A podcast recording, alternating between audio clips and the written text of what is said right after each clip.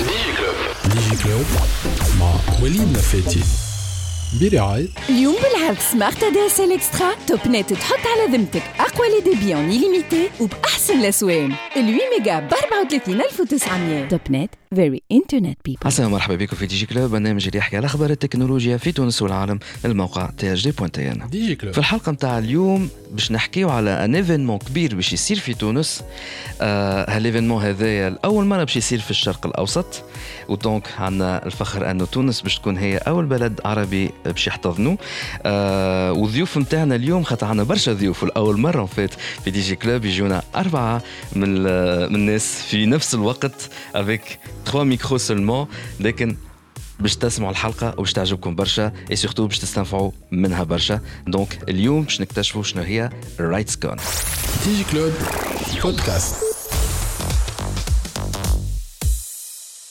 دونك كيما قلنا اليوم باش نحكيو على ايفينمون كبير باش يصير في تونس ومعنا دونك الضيوف نتاعنا اليوم في الاستوديو باش نبداو. مدام وفاء بن حسين رئيسة مكتب اكسس ناو لشمال إفريقيا والشرق الأوسط معناها مينا. أهلا وسهلا بيك.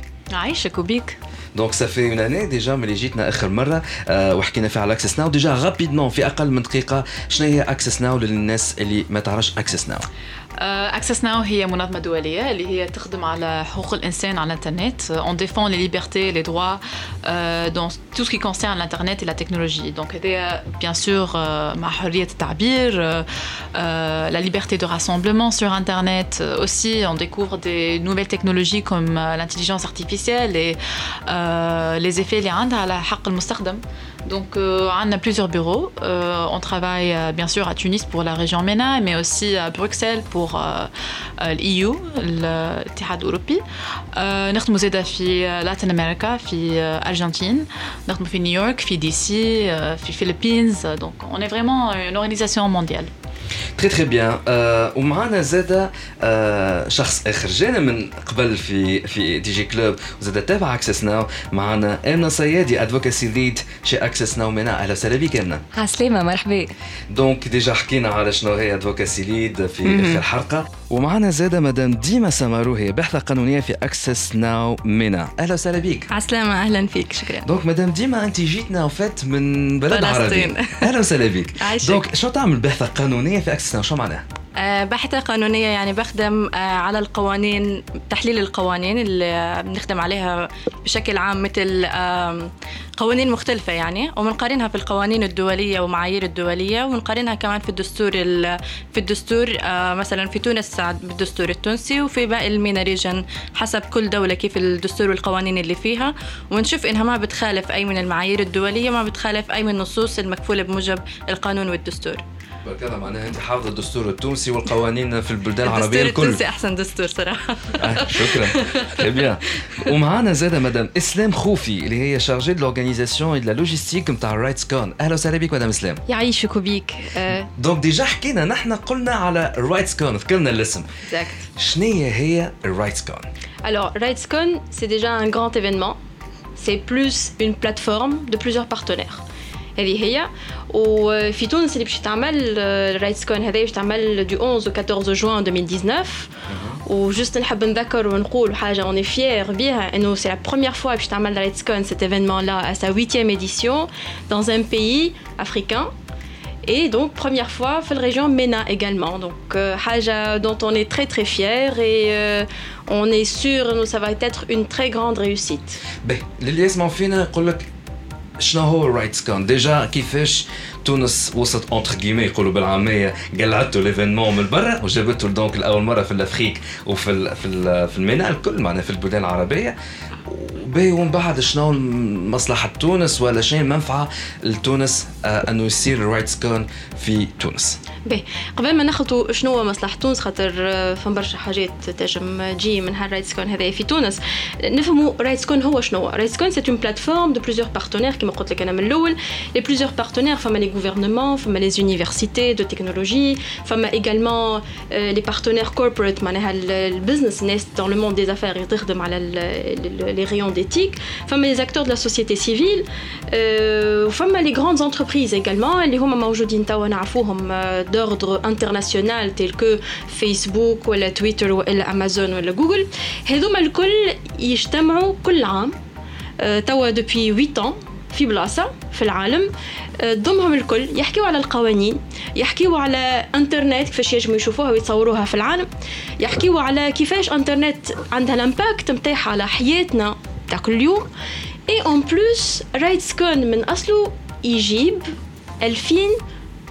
2500 بارتيسيبون كل عام للبلاد اللي يمشي لها. معناها نحن توا إن شاء الله باش تعمل في تونس العاصمه أي إن شاء الله. وين بالضبط في تونس العاصمه الوغ اونتر لوتيل لايكو والبالي دي كونغري معناها فينالمون فما 2500 شخص جايين لتونس العاصمة في وسط تونس العاصمة. ابسولومون في أكثر من معناها الدول اللي تضم العباد اللي باش يجيو معناها من بارتو دون لو موند أكثر من 130 دولة باش يجيو رايت كان لكن شديد حاجة سا سي تري بيان لكن شديد حاجة أنه ابل وفيسبوك وجوجل معناها هذوما كلهم زاد جايين لتونس. ابسولومون ابسولومون خاطر رايت كون سي ان رونديفو اليوم هما كل عام يمشوا فيه.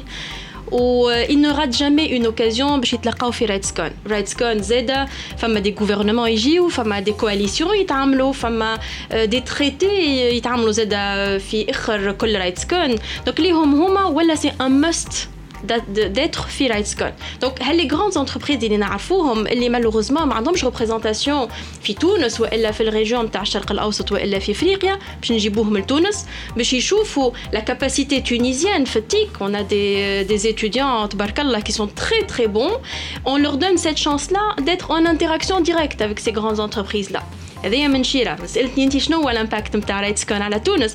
هذا سي ان ان دي إمباكت اللي موجود على على تونس. ابار لو فيت إنه فما 2500 إنسان موجود على أربع أيام في تونس اقتصاديا مش تحرك برشا حاجات.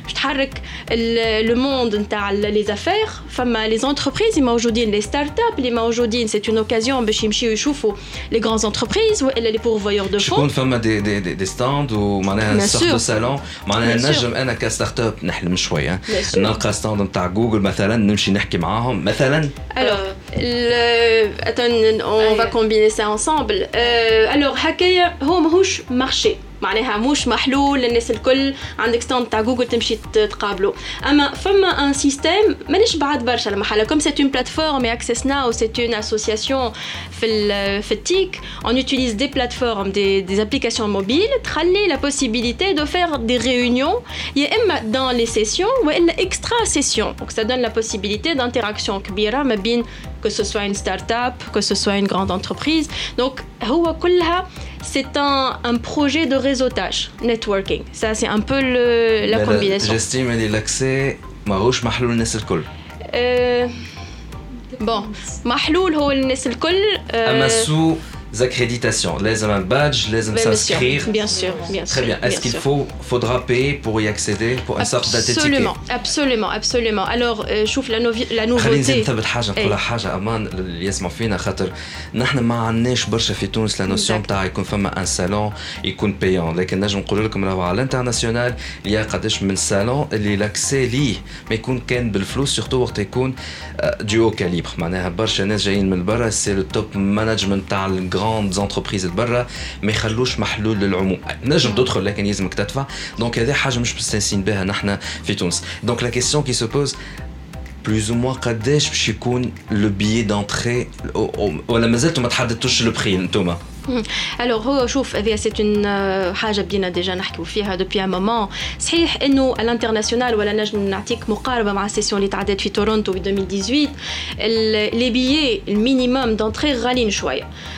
اللي باش يتعمل لتونس باش يكون فما تعريف سبيسيفيك لتونس. خاطر نفهموا إنه ما ينجمش كومام إنسان مازال كيبدا ستارت اب نتاعو ولا أن اتيديون باش يحط 200 دولار باش يدخل للرايتس كون سي كوميم اون سوم كبيرة شوية. دونك اون فا ادابتي لي تاريف بور لو مارشي تونيزيان et le marché africain en général.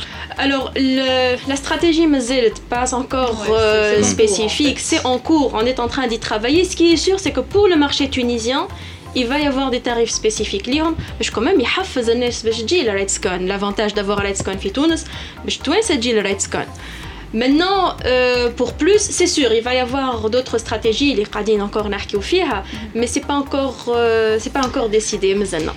Très très bien. اما فور إما. شور لي زيتيديون معناها اللي يحبوا يجيو الكل باش يكون عندهم تاريف سبيسيال And I want to add one more thing to that. Okay. We're also exploring the possibility of doing scholarships for students.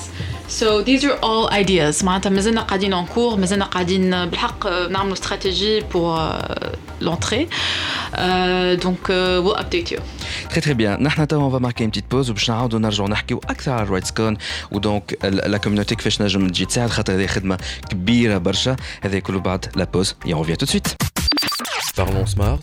Sponsored by Youth IT France. Bonjour et bienvenue dans ce quatrième numéro de Parlons Smart, votre rendez-vous hebdomadaire du groupe USIT pour mieux vous accompagner dans le monde de la transformation digitale de votre entreprise. Je suis Wissam Bougila, CEO du groupe USIT. Dans les derniers épisodes, on a brièvement parlé des communications unifiées. Plus précisément, comment une entreprise peut unifier et rationaliser l'ensemble de ses communications en une solution puissante tout en gagnant en coût et en productivité. Vous avez envisagé de mettre en œuvre une solution des communications unifiées dans votre entreprise C'est une bonne chose. Mais qu'en est-il de la sécurité de votre entreprise? Youth IT vous recommande de sécuriser vos bureaux avec des solutions de sécurité convergentes, raison pour laquelle les communications unifiées sont obligatoires dans votre société. En effet, grâce à la large prise en charge des appareils SIP sur l'UCM, qui est le PBX Grand Stream, vous pouvez ajouter tout type d'appareils et de technologies à votre réseau et à tout moment. Cela inclut non seulement la téléphonie, la vidéoconférence, mais aussi la vidéosurveillance et les solutions d'accès comme la caméra de la porte. Si vous connaissez GrandStream,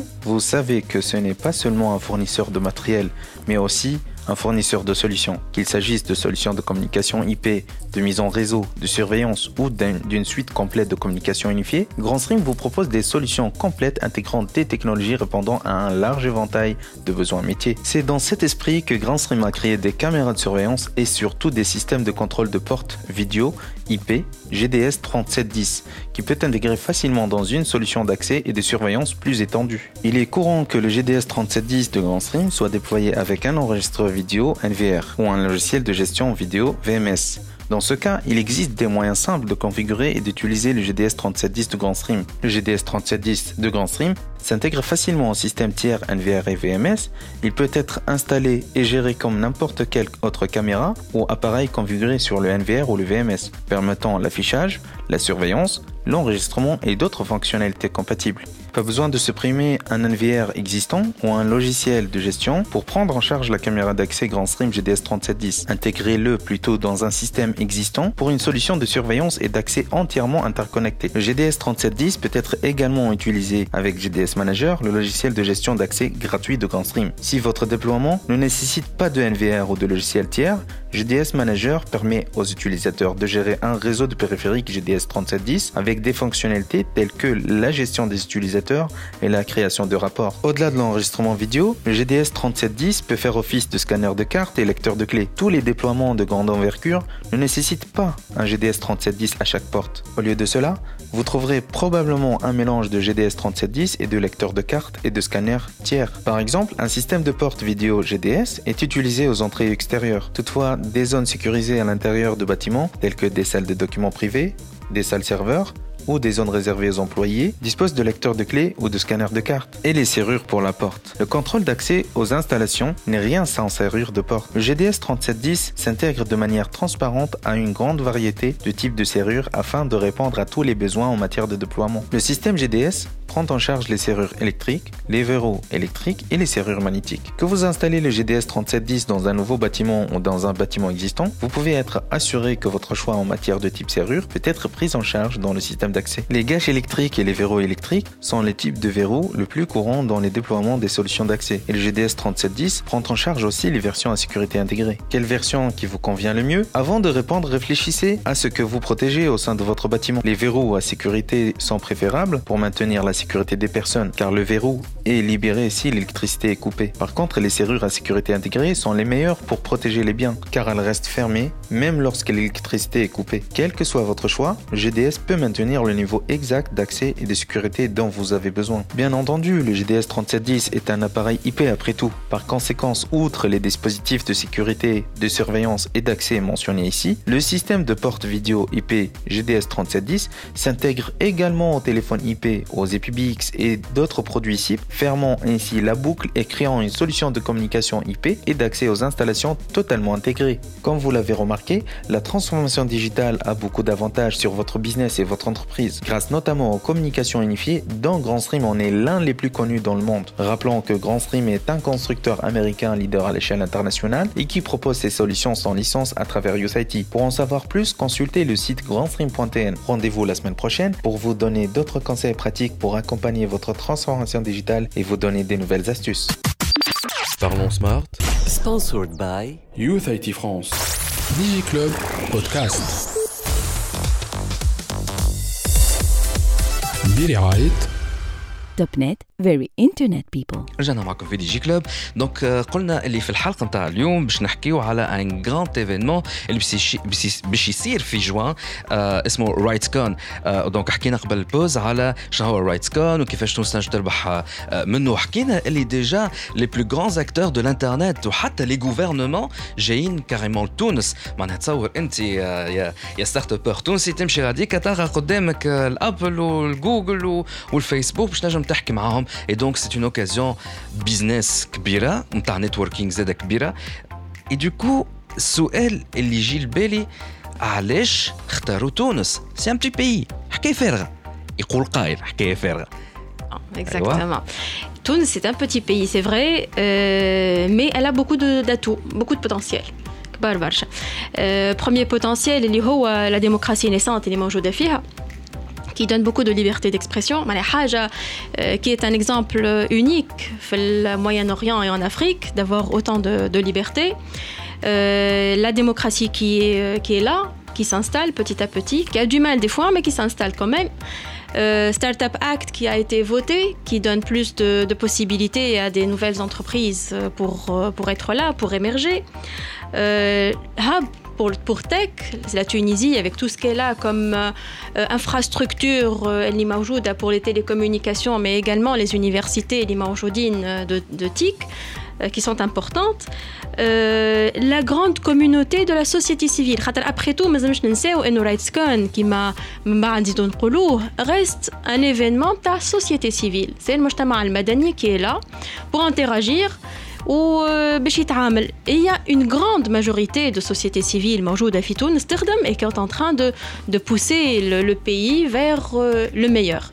Et ce sont يظهر لي les plus importantes raisons اللي خلات رايتسكون يجي لتونس كان ما نسيت حتى شيء يظل النوتراليتي دو نت absolument et ماشي géographiquement عمار exactement راه في بالكم راه ثمانية سنين اللي تعدى على عمار 404 absolument absolument ça c'est aussi معناها قوة ال- ال- المونيتورينج نتاع السوسيتي سيفيل الموجودة كل ما فما اختراق للحريات السوسيتي سيفيل هي اللي هنا آه، ترجع تقول ردوا بالكم رانا قاعدين نرجعوا للتالي c'est très important cette dynamique là cette force de la société civile fait de la Tunisie un cas unique يمكن حتى un cas d'école يجموا يقريو في برشا بلايص Ce qui fait que ما ينجمش رايتسكون يتعدى من غير ما يجي لتونس c'est c'est un must تونس reste quand même par sa petite taille mais importante pour RightsCon. Il y a eu un vote Oui, oui, pour être كيفاش honnête, تعدى c'était- بالسهل. c'était les Et c'était entre euh, New Delhi et Tunis.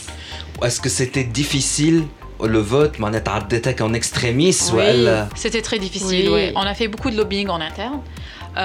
ليكيب تو اكسس ناو الكلنا معناتها خدمنا برشا برشا برشا برشا باش نجيبوه لتونس اي سي با دو تو ايفيدون سي با دو تو ايفيدون بيسكو اون ا بليزيور بليزيور بيرو دون بارتو دون لو موند دونك عملنا برشا لوبينغ اي دونك تعدى معناها نتاع اللوبينغ هذاك اسكو سمعوا على تونس قبل ولا عمرهم ما سمعوا؟ هما سمعوا على تونس ويعرفوا تونس خاطر بيرو تونس محلول من 2013 اكسس ناو موجود سمعوا عليه اما ديما يحبوا يرجعوا رايتس كون البلاصه الكبيره خاطر الهند ابخي تو تبارك الله مليار واش آه، نسمة سي انورم تعرف باش ربحنا هو سي تري سي تري ريغولو ربحنا آه، على خاطر ستاتيو دو لا فام في تونس اي دو لوان ميور كو الهند سا سي oui. والله. والله. واقل. كوربسيون رغم اللي عندنا. برشا كوربسيون سي موان كو الهند Absolument.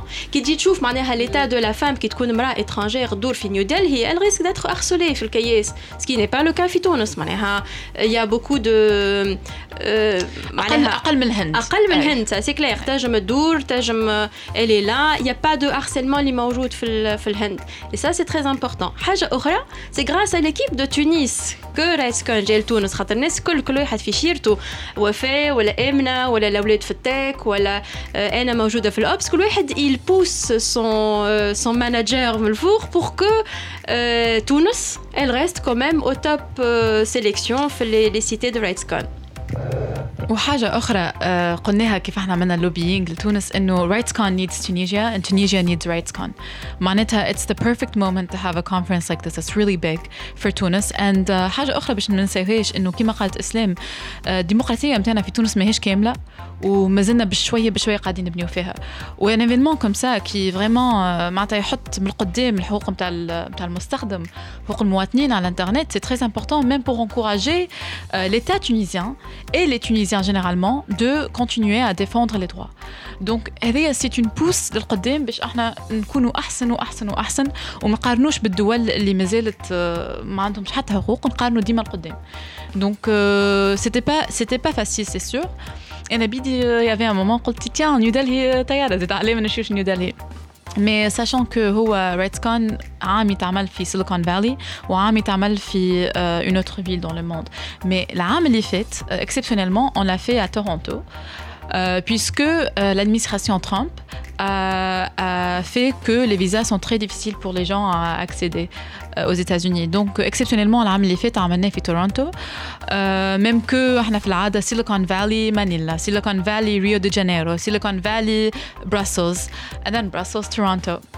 خاطر ترامب got elected على البروجرام دونك شنو فما اون جرو انا سيدي في ال في البروجرام تاع رايتس كون فيهم اربع ايام اكزاكتومون هما ثلاثة ايام وداي زيرو رايت دونك معناها فما ان بري ايفنت فما ان بري ايفنت اسمه داي زيرو في رايتس كون بون فما فرق بينه وبين ليفينمون ريال مي يصيروا فيه زاد برشا حاجات دونك لي سوجي باش يكونوا ان بو دو تو مربوطين بتو سكي تكنولوجي وانترنت فما l'intelligence artificielle, enfin, la liberté d'expression et la censure, euh, les médias et la désinformation, les fake news entre guillemets.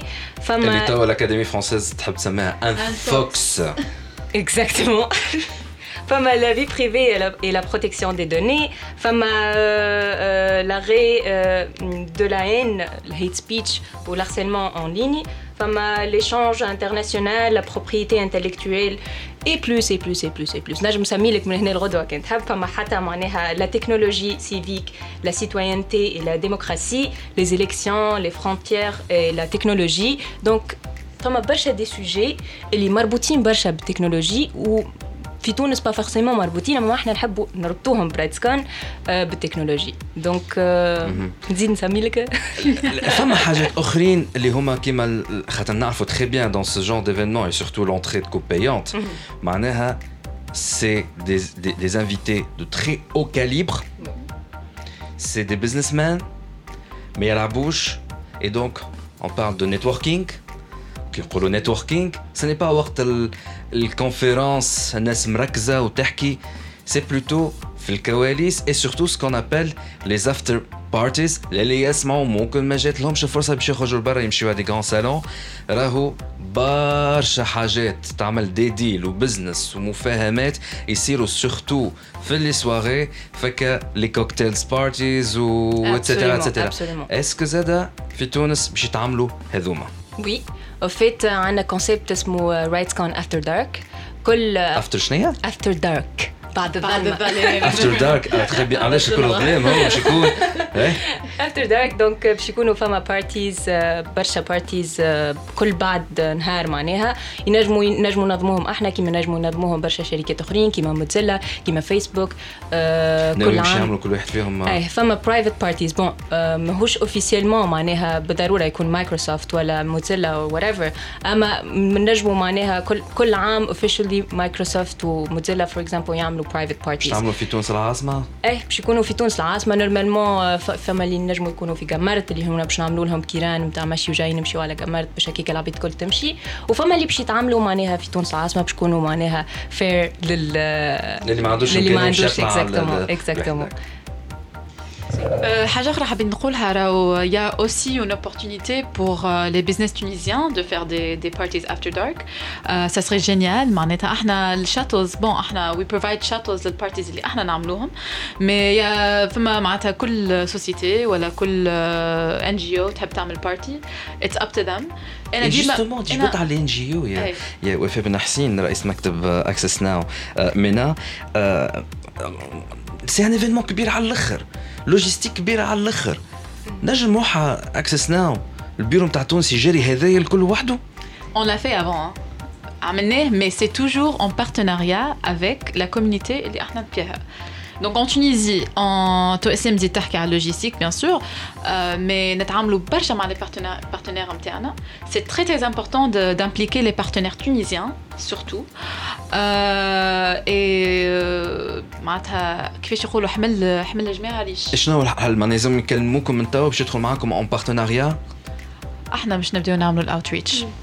Yes. Très bien. C'est à nous, à nous. Exactement. C'est à nous d'aller voir un peu les partenaires, les partenaires potentiels.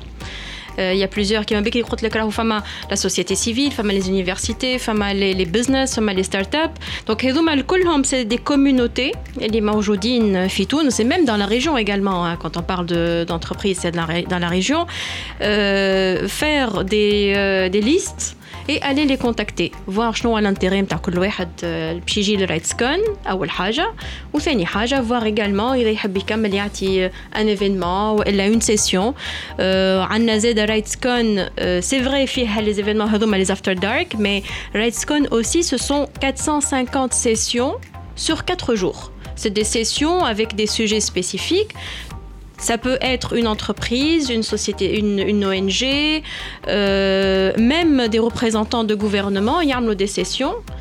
Ou ces sessions-là, c'est une session de une heure. باش يحضروا فيها دونك الخدمه اللي باش نخدموها احنا على تونس دو موا سا رونتر ان بو dans le dans ma fonction في البيرو sur RightsCon c'est aller contacter tous ces toutes ces, toutes ces communautés potentielles pour les ramener vers RightsCon et leur faire euh, comprendre ce que RightsCon. كما قلت انت بقيك نرجع لك شويه لكلامك RightsCon c'est un événement انه في تونس ولا دون لا ريجيون ماناش مستانسين به برشا. هذاك علاش لازمنا زاد نوعي ونفسروا للناس شنو هو رايت سكون باش يجموا يجيو. باش ما ترسيش نعملوا ان ايفينمون كبير صحيح يجيو ناس من برا وتونس فما حتى حد كي لا ريبريزونت دونك تونس لازم تتبنى كيف كيف. توت لي كوميونيتي موجودين في تونس تتبنى رايت سكون مادام هو موجود لهنا. اسكو لي زوتوريتي بداو يخدموا ولا في بالهم تخدموا معاهم؟ Alors oui, absolument. Euh, les autorités نحكيو على الجوفرنمون وخاصة توا البارتناريا اللي قاعد يتعمل مع وزارة تكنولوجيا الاتصالات ils ont été invités في السيسيون cérémonie finale نتاع تورونتو ريدز كون تورونتو في اللي تعمل في ماي 2018 باش نعملوا لا كونتينيتي سور ريدز كون تونس دونك ديجا بدينا خدمنا معاهم وزاره السياحه في بالها وزاره الخارجيه في بالها الوغ مازلنا مازلنا ما وصلناش للوزارات الاخرين تو بور لو مومون لو كونتاكت معمول مع وزاره تكنولوجيا الاتصالات وباش نكملوا معاهم هما باش يكونوا اون بورت اوفيرت لباقي الوزارات الموجودين السياحه فما زاد الداخليه فما الشؤون الخارجيه خاطر حشنا بالناس باش تجي فما فيزا اكزاكتومون فما شخصيات فما دي فيزا اجيري ايغالمون نحبوا ليفينمون هذايا يكون ان ايفينمون بورتور لتونس الناس كل تشارك فيه يا با on ne ferme pas de portes c'est c'est des portes ouvertes pour tout le monde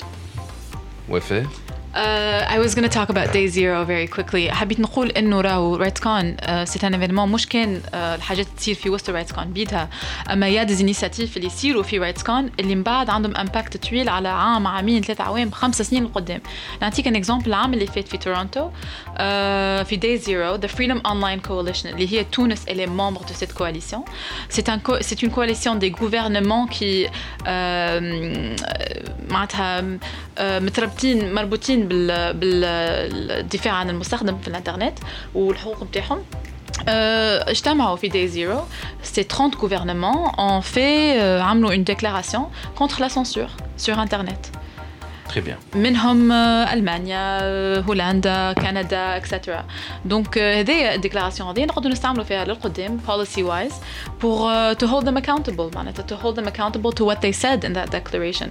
Et باش نذكر إنه سي با سي با فاسيل دو تحط 30 حكومة مع بعضهم من 30 دول مع بعضهم في بيت واحدة باش يجتمعوا وباش يتفقوا على حاجة. دونك سي سا ان فيت ونعاود نقولها مرة أخرى. رايتس كون is what you get from it what you put in it. معناتها you you get what you what you contribute. كان تعمل الريسيرش نتاعك والهوم ورك نتاعك وكيفاش أنت كستارت اب تونسية وألا ك ك كجمعية تونسية تنجم تقدم باللي عندك باش تكون uh, very successful. You'll get that. but you have to do your homework. تري تري بيان نحن ان توكا مازلنا راجعين باش نحكيو أكثر على الاكسس ناو وعلى زادا رايتس كون بور سو كي فول بارتيسيبي اتسيتيرا لكن بعد نعملوا اون بتيت بوز اي اون فيان تو سويت موبايل اند اي تي عسلامة ومرحبا بكم في موبايل اند اي تي معكم نادية جنان وكما كل جمعة باش نحكيو في اخبار التكنولوجيا في تونس وفي العالم الجمعة اللي فاتت الخيال العلمي ولا حقيقة ملموسة grâce à la technologie 5G Vodafone, l'opérateur télécom anglais, a réalisé le tout premier appel hologramme. Les fans de Star Wars et des films de science-fiction أكيد يعرفوا على شنو نحكيو لكن خليونا نفسروا شنو شنو معناها hologramme. La définition strictement scientifique تقول اللي l'hologramme عبارة على une image en trois dimensions qui apparaît suspendu dans l'air. Ce procédé de photographie a été reproduit par Vodafone en Angleterre pour mettre en relation la capitaine de l'équipe de football féminin de Manchester City اللي هي موجودة في اللي لوكو نتاع الكلوب نتاعها في الوقت هذاك وواحدة من المعجبات نتاعها موجودة في السياج نتاع فودافون à Newbury soit à 300 km de Manchester. Sur scène, envoyer un hologramme 3D de la star de football اللي نجمت تتواصل مع الفان نتاعها موجودة en personne وحكيت معاها ووريتها même des astuces footballistiques. On aurait pu se croire dans un film mais la technologie a rendu la chose bel et bien réel وكما يقولوا ناس بكري قالوا للجمل زمر قال الشفايف ملمومة ولا صوابع مضمومة كان هذا كل شيء في موبايل انت اي تي الجمعة هذه نتقابلوا الجمعة الجاية باي باي موبايل اند اي تي ديجي كلوب بودكاست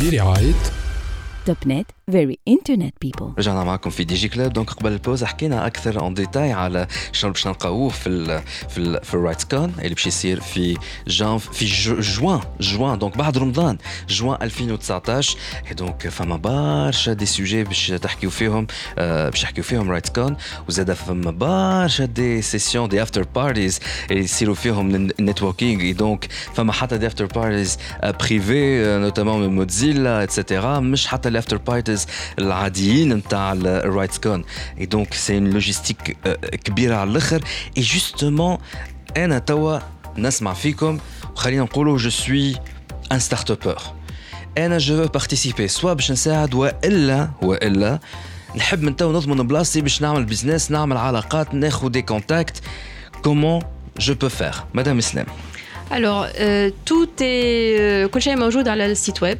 www, bien sur www.rightscon.org موجود آه، alors il y a plusieurs choses يا اما باش يعمل آه، proposal الكول فور proposal باش يتحل آه، normalement d'ici fin octobre يعني يحب يبروبوز اون سيسيون وهذا محلول للناس الكل للي او ان جي للي gouvernement للي ستارت اب للي تيكيز للي étudiants tout le monde tout le monde peut proposer euh, une session à part ça, euh, il y aura ديما des informations sur le site web où on va communiquer.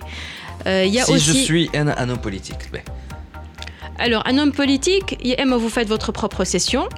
Ou elle, le plus simple, c'est de contacter euh, RightsCon sur le site web rightscon.org. Euh, عندنا newsletter تخرج مرتين في الشهر. euh, rundown où euh, on informera de tout ce qu'il y a comme nouveauté sur euh, RightsCon. Il y a plusieurs choses qui se font. Donc, euh, أحسن حاجة pour être euh, euh, euh, updated, c'est euh, d'être sur le rightscon.org. Vous êtes kif kif la communauté, la société civile, si elle veut aider. Absolument, absolument. Tout sera sur rightscon.org. Il y a plusieurs façons d'aider. Il y a aussi des bases de volontariat également. Il y a des euh, khedmet euh, autour de rightscon qui seraient intéressants. Hatta pour les étudiants. Les étudiants, les fi ay catégorie Kenneth, IG, On a besoin de beaucoup de bénévoles et euh, il y aura tout sur rightscon.org. Très très bien. نحن توا ساعة déjà madame Islam Khoufi chargée de l'organisation et de la logistique تاع RightsCon avec يكون في عونك خاطر عندك برشا خدمة سنة فيك. نحن توا en fait justement اخر مرة كانت اكسس ناو معنا لها بريسك تقريبا عام تقريبا تقريبا عام شنو صار في مده عام صاروا برشا حاجات دونك دوكو باش نبدا باش نحكي على البوليسي اللي قاعدين نعملوا فيه قاعدين كما تعرفوا نخدموا على تونس وعلى الريجيون ميناب كلها دونك اون ا travaillé من الاول خدمنا باغ اكزومبل على البروجي دو لوا دو لا بروتيكسيون دي دوني بيرسونيل اون ا في دي كومنتس على الدرافت اوسي باش نعملوا ايفينمون لو 1 نوفمبر avec l'UNESCO et la Commission européenne اللي هي امنا باش تحكي عليهم بعد اون ا اوسي travaillé sur مصر برشا آه عملنا اناليز على ال ال القانون نتاع السيبر كريميناليتي نتاعهم وأوسي نتاع الميديا ريجوليشن لوز Euh, عملنا اناليز ياسر طويل وعريض و avec euh, avec une autre association qui est basée euh, في القاهرة euh, وعملنا on a lancé une campagne aussi اللي امنا زاد باش تحكي فيه خاطر سي بلوتو سون دومين نتاع نتاع البليدويي الادفوكاسي اوسي اون في جاتنا الكود نيميريك اللي قاعدين نحكيو عليه برشا توا في تونس لو بروجي دو لوا دو دو كود نيميريك اللي جانا في الميل وانفان اون va faire des, des aussi سبمشن افيك كومنتس باش نعاونوا البوليسي ميكرز في تونس يعملوا القوانين الصحيحة للبلاد. enfin, on est en train d'organiser aussi un événement à Beyrouth avec euh, une organisation qui s'appelle SMEX.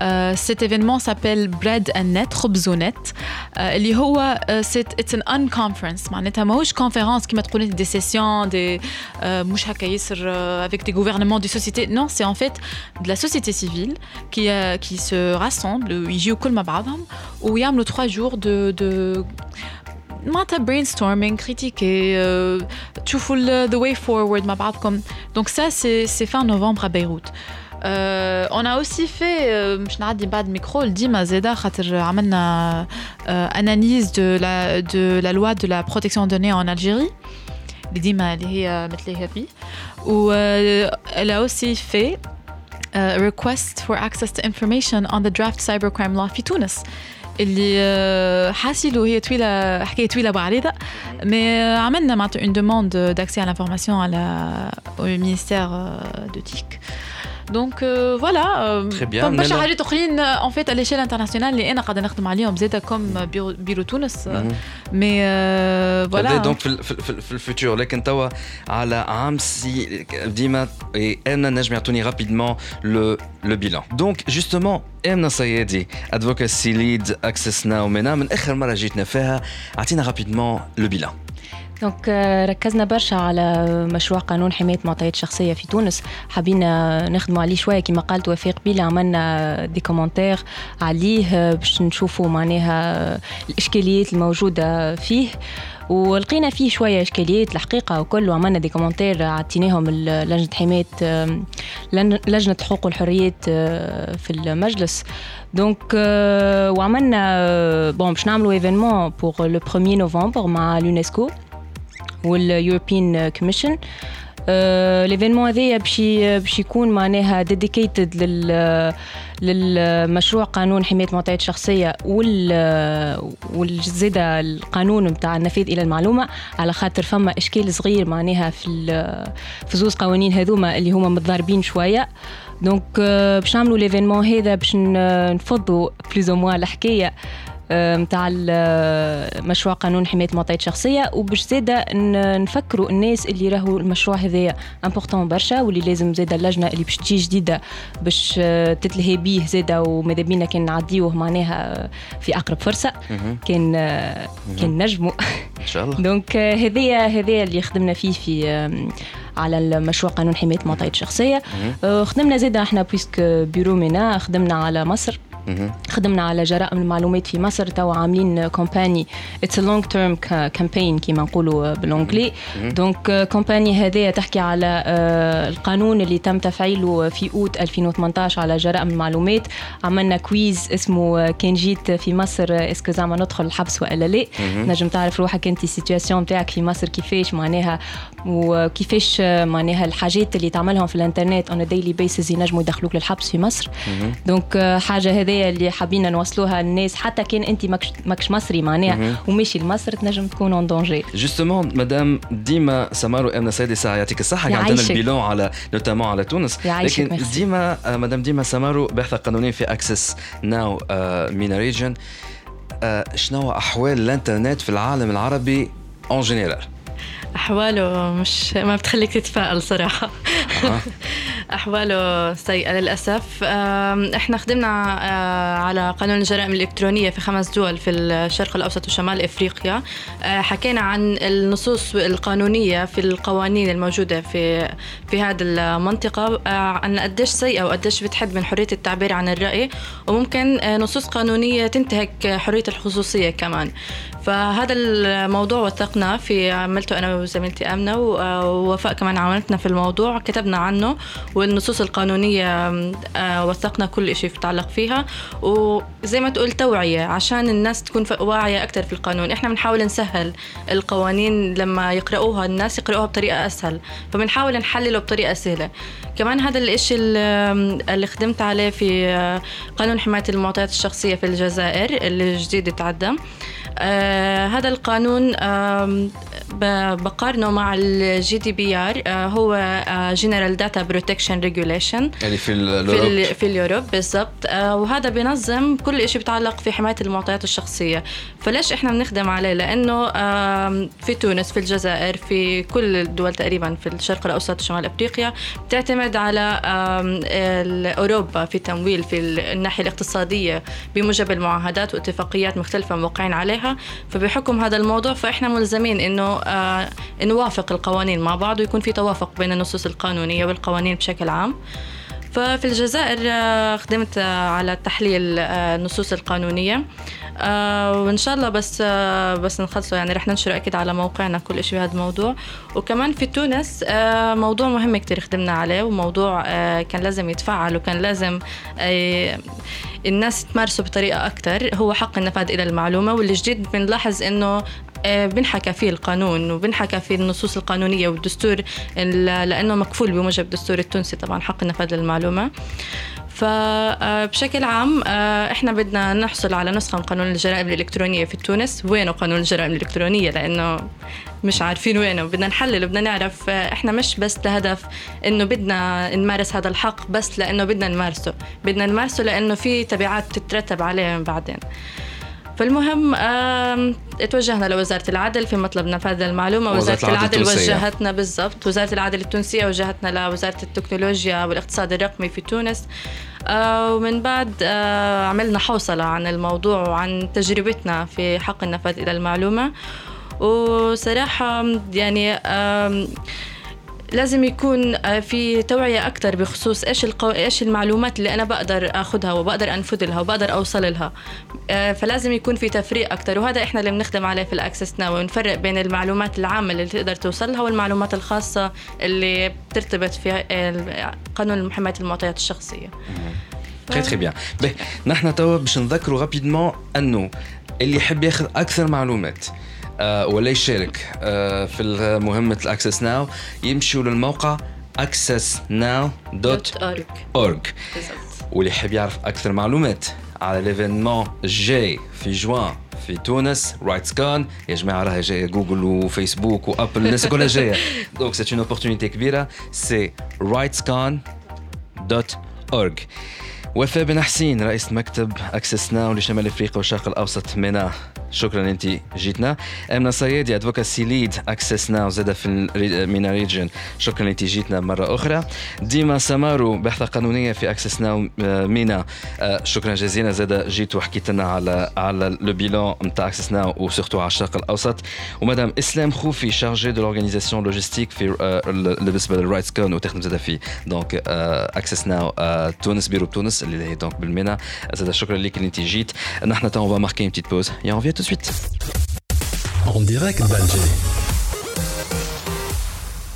Bonjour, bonjour. En direct d'Alger avec Abdelafir Khalifsa. La demande est plutôt business. Les questions que je me pose, c'est que vais-je faire et quel business dois-je entreprendre en Algérie? Premier domaine, la récupération des équipements électroniques. Un nouveau système baptisé EcoCollect de récupération notamment d'équipements électroniques usagés sera bientôt introduit dans le guide des centres d'enfouissement technique, les CET, établi par l'Agence nationale des déchets, a annoncé récemment la ministre de l'Environnement et des Énergies renouvelables, Fatima Zohra Zerbati, lors d'une visite à Tébessa. C'est pas très loin de la frontière euh, algéro-tunisienne. Elle a indiqué à ce propos de l'activité de collecte et le recyclage des déchets que davantage d'encouragement sera accordé aux entreprises actives dans ce domaine, dont sur surtout des incitations fiscales aux collecteurs de différents matériaux, notamment la récupération des équipements électroniques usagés. Il faut donc des firmes spécialisées pour récupérer le verre, le plastique et les autres composants susceptibles d'être réutilisés. Les substances potentiellement néfastes, comme le plomb, sont récupérées afin d'être éliminées de manière appropriée.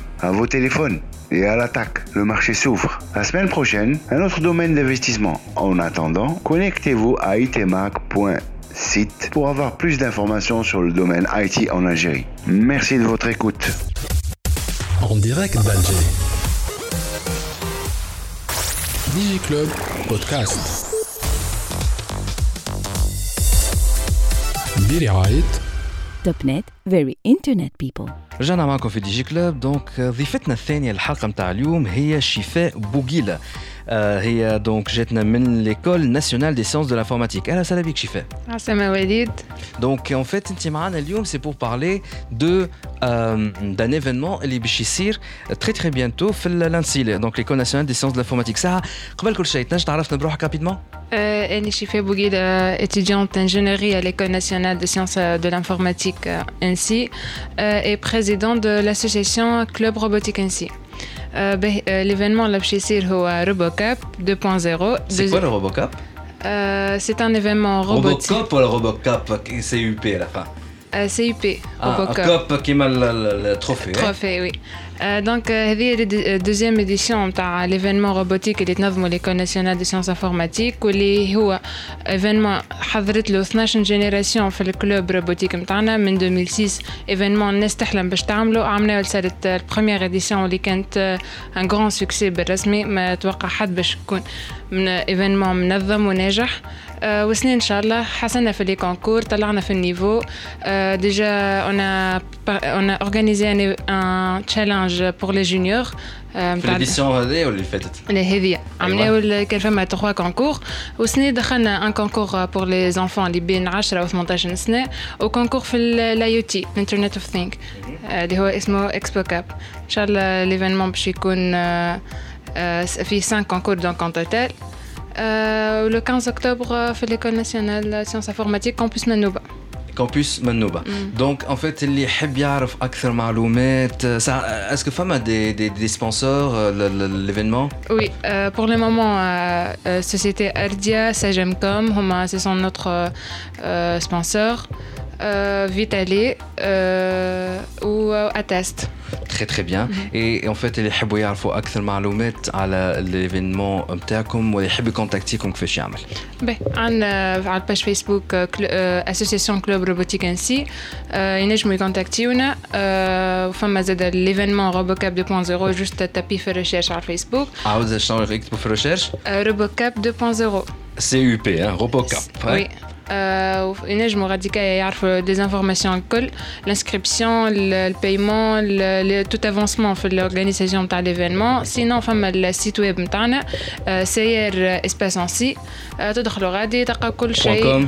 آه نو سير بوان سير سلاش انسي تلقاو كل شيء معناها يطلع على جوجل معناها يتابيو سي ار سلاش انسي وي Très bien, ENSI qui est École nationale des sciences de l'informatique. Oui. Et donc CR, ça se prend comme CR, تلقاو donc le site internet. ايوا فيه كل شيء فيه الممبر دو بيرو فيه لانسكري فيه لي كايي شارج نتاع لي كونكور فيه كل شيء معناها دونك مازالت الكانديداتور محلولين باش اللي يحب يشارك بال بال وي كانديداتور مازالت محلوله اللي يحب يشارك جوست يدخل يعمل الانسكري ونجاوبوه بار ميل ونعطيوه لافونسمون كل تري تري بيان Mademoiselle Chifé Bouguila, présidente de l'association robotique NC, donc c'est l'école nationale des sciences de l'informatique. Merci beaucoup d'avoir accepté notre invitation. à l'événement Mcholo, à l'internet, donc l'Arkea. Donc c'était tout pour aujourd'hui, le DJ Club. Inch'Allah, qu'on ou les informations et les comme le Nous vous donne rendez-vous la semaine prochaine. Bye bye. DJ Club. Ma Walid Nafeti. برعاية اليوم بالعرض سمارت ادي اس ال اكسترا توب نت تحط على ذمتك أقوى لي ديبي اون ليميتي وبأحسن الاسوان ال 8 ميجا ب 34900 توب نت فيري انترنت بيبل